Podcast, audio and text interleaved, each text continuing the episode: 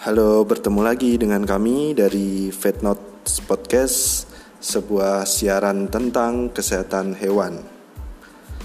Di kesempatan kali ini kami uh, ingin sedikit uh, apa ya? Sedikit membahas lah ya, sedikit mengulas atau membahas mengenai pemilik hewan yang sok tahu Oke, yuk langsung saja ya, simak siaran berikut ini. Pemilik hewan kesayangan di Indonesia ya, di negara ini semakin hari semakin meningkat jumlahnya. Baik itu yang memelihara kucing, memelihara anjing, kelinci, dan hewan eksotik lainnya seperti burung, reptil, ikan, dan lainnya. Nah, meningkatnya jumlah atau kuantitas pemilik hewan kesayangan tampaknya belum dibarengi atau belum diimbangi ya dengan meningkatnya pemahaman akan kesehatan hewan kesayangannya. Pasalnya masih banyak ditemukan pemilik hewan kesayangan terutama kucing dan anjing yang uh, sering mengobati hewannya tanpa memeriksakannya ke dokter hewan. Mereka memeriksa eh mereka mengobati hewannya dengan persepsi sendiri tanpa anjuran dokter hewan.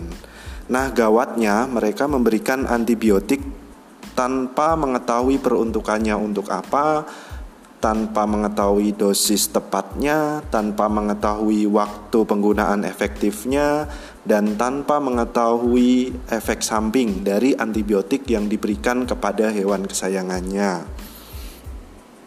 Nah, ketika uh, kami tanyakan alasan yang mendasarinya, sering kali mereka akan uh, berargumen atau mengatakan bahwa uh, jenis antibiotik dan dosis antibiotik yang digunakannya atau yang diberikan kepada hewannya itu diperoleh dari uh, temannya atau komunitas pecinta hewan dengan persepsi atau dengan anggapan bahwa hewan yang sebelumnya diobati dengan antibiotik yang dia gunakan sembuh. Nah, inilah bentuk pemelihara hewan yang uh, kami bilang sok tahu dan ngeyel para pemilik hewan seperti ini tidak mempertimbangkan antibiotik yang diberikan apakah tepat penggunaannya, apakah ada efek sampingnya dan apakah berpotensi terjadi resistensi.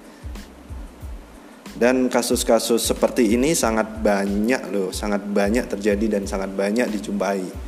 Padahal penggunaan antibiotik harus dan wajib melalui dokter hewan. Loh, kenapa? Nah,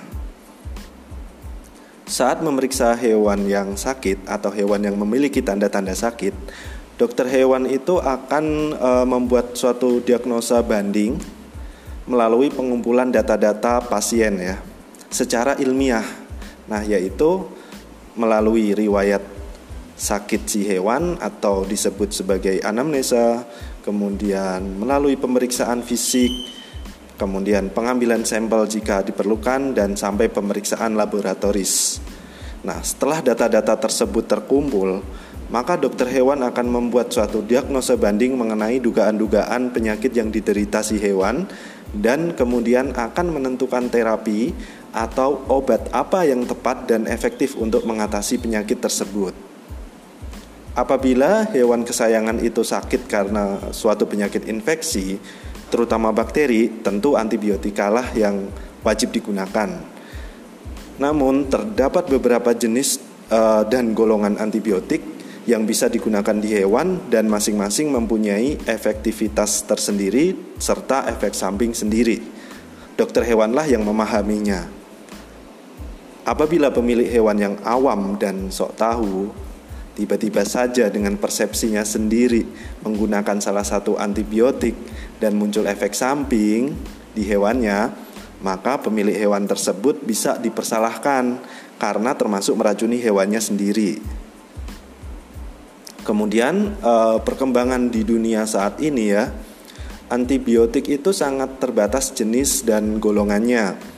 Bahkan penemuan-penemuan golongan baru antibiotik itu bisa dibilang sangat lambat Penemuan golongan baru antibiotik ini e, ibarat berpacu dengan waktu, yaitu berpacu atau berlomba-lomba dengan mutasi bakteri-bakteri yang sifatnya infeksius atau menular.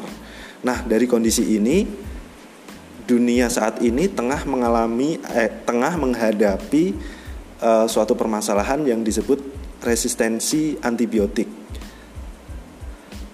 Antibiotika yang dulunya ampuh untuk membunuh e, bakteri, misalnya membunuh bakteri A, nah tiba-tiba saat ini antibiotik tersebut sudah tidak ampuh lagi. Padahal golongan baru atau antibiotik golongan baru yang e, ampuh itu masih belum ditemukan. Nah, jika sudah begini, bagaimana cara membunuh bakteri A tersebut? Kemudian, jika seperti ini terus, Kemudian berapa banyak manusia dan juga hewan yang kemudian akan mati terinfeksi bakteri karena tidak ada antibiotik yang ampuh. Nah, apa yang menyebabkan resistensi tersebut? Resistensi mikroba atau resistensi bakteri terhadap antibiotik dapat terjadi oleh adanya penggunaan antibiotik yang tidak sesuai peruntukan, tidak tepat dosis, dan tidak tepat waktu. Jika tidak tepat dosis dan tidak tepat waktu, antibiotik yang digunakan itu tidak bisa membunuh bakteri. Nah, kemudian bakteri yang tidak mati itu akan mencoba dia uh, dia akan mencoba beradaptasi secara molekuler supaya tahan terhadap antibiotika antibiotika tersebut. Nah, kondisi ini uh, kita namakan sebagai mutasi bakteri atau mutasi mikroba. Nah, bakteri yang bermutasi ini kemudian bisa berpindah dari satu individu inang, misalnya individu hewan ke inang yang lainnya atau ke hewan lainnya, atau bahkan ke lingkungan, atau bahkan ke manusia, dan kemudian si bakteri yang sudah bermutasi tersebut mempengaruhi bakteri sejenis lainnya untuk juga bermutasi. Nah, akhirnya bakteri jenis tersebut akan menjadi kuat dan menjadi super karena mereka mampu melawan antibiotika yang tersedia saat ini.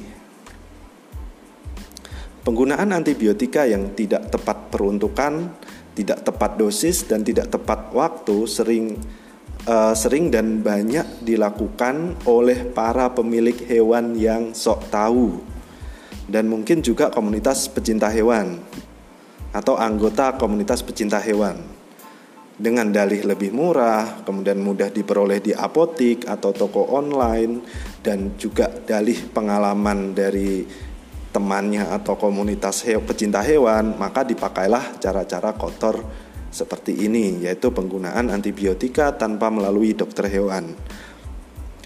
Para pemilik hewan yang seperti ini sebenarnya telah menyumbangkan faktor-faktor resistensi bakteri yang suatu saat bisa booming, bisa membesar, dan bisa saja terjadi pandemi. Nah, di podcast ini kami juga menyoroti tentang kurang ajarnya pet shop pet shop, baik online ataupun offline yang menjual obat yang katanya untuk infeksi hewan, misalnya anti pilek, anti mencret atau yang lainnya yang mengandung antibiotik. Pet shop-pet shop tersebut menjual dengan mudahnya tanpa ada anjuran dokter hewan. Nah, sekarang saatnya bagi pemilik hewan harusnya lebih bijak dalam mengobati hewan kesayangannya. Berobat ya harus ke dokter hewan. Nah, jangan langsung membeli obat dari pet shop yang di pet shop tersebut tidak ada praktek dokter hewannya atau tidak disupervisi oleh dokter hewan. Nah, Masalahnya apakah terbentur biaya? Nah, jika terbentur biaya, omongkan saja secara jujur ke dokter hewan ketika memeriksakan hewannya. Harusnya ya, memiliki hewan kesayangan itu ibarat mempunyai anak atau tanggungan keluarga. Nah, si pemelihara itu harus siap segala-galanya, termasuk cinta kasih dan biaya. Nah, Tuhan sudah memilih si pemilik hewan untuk merawat hewannya.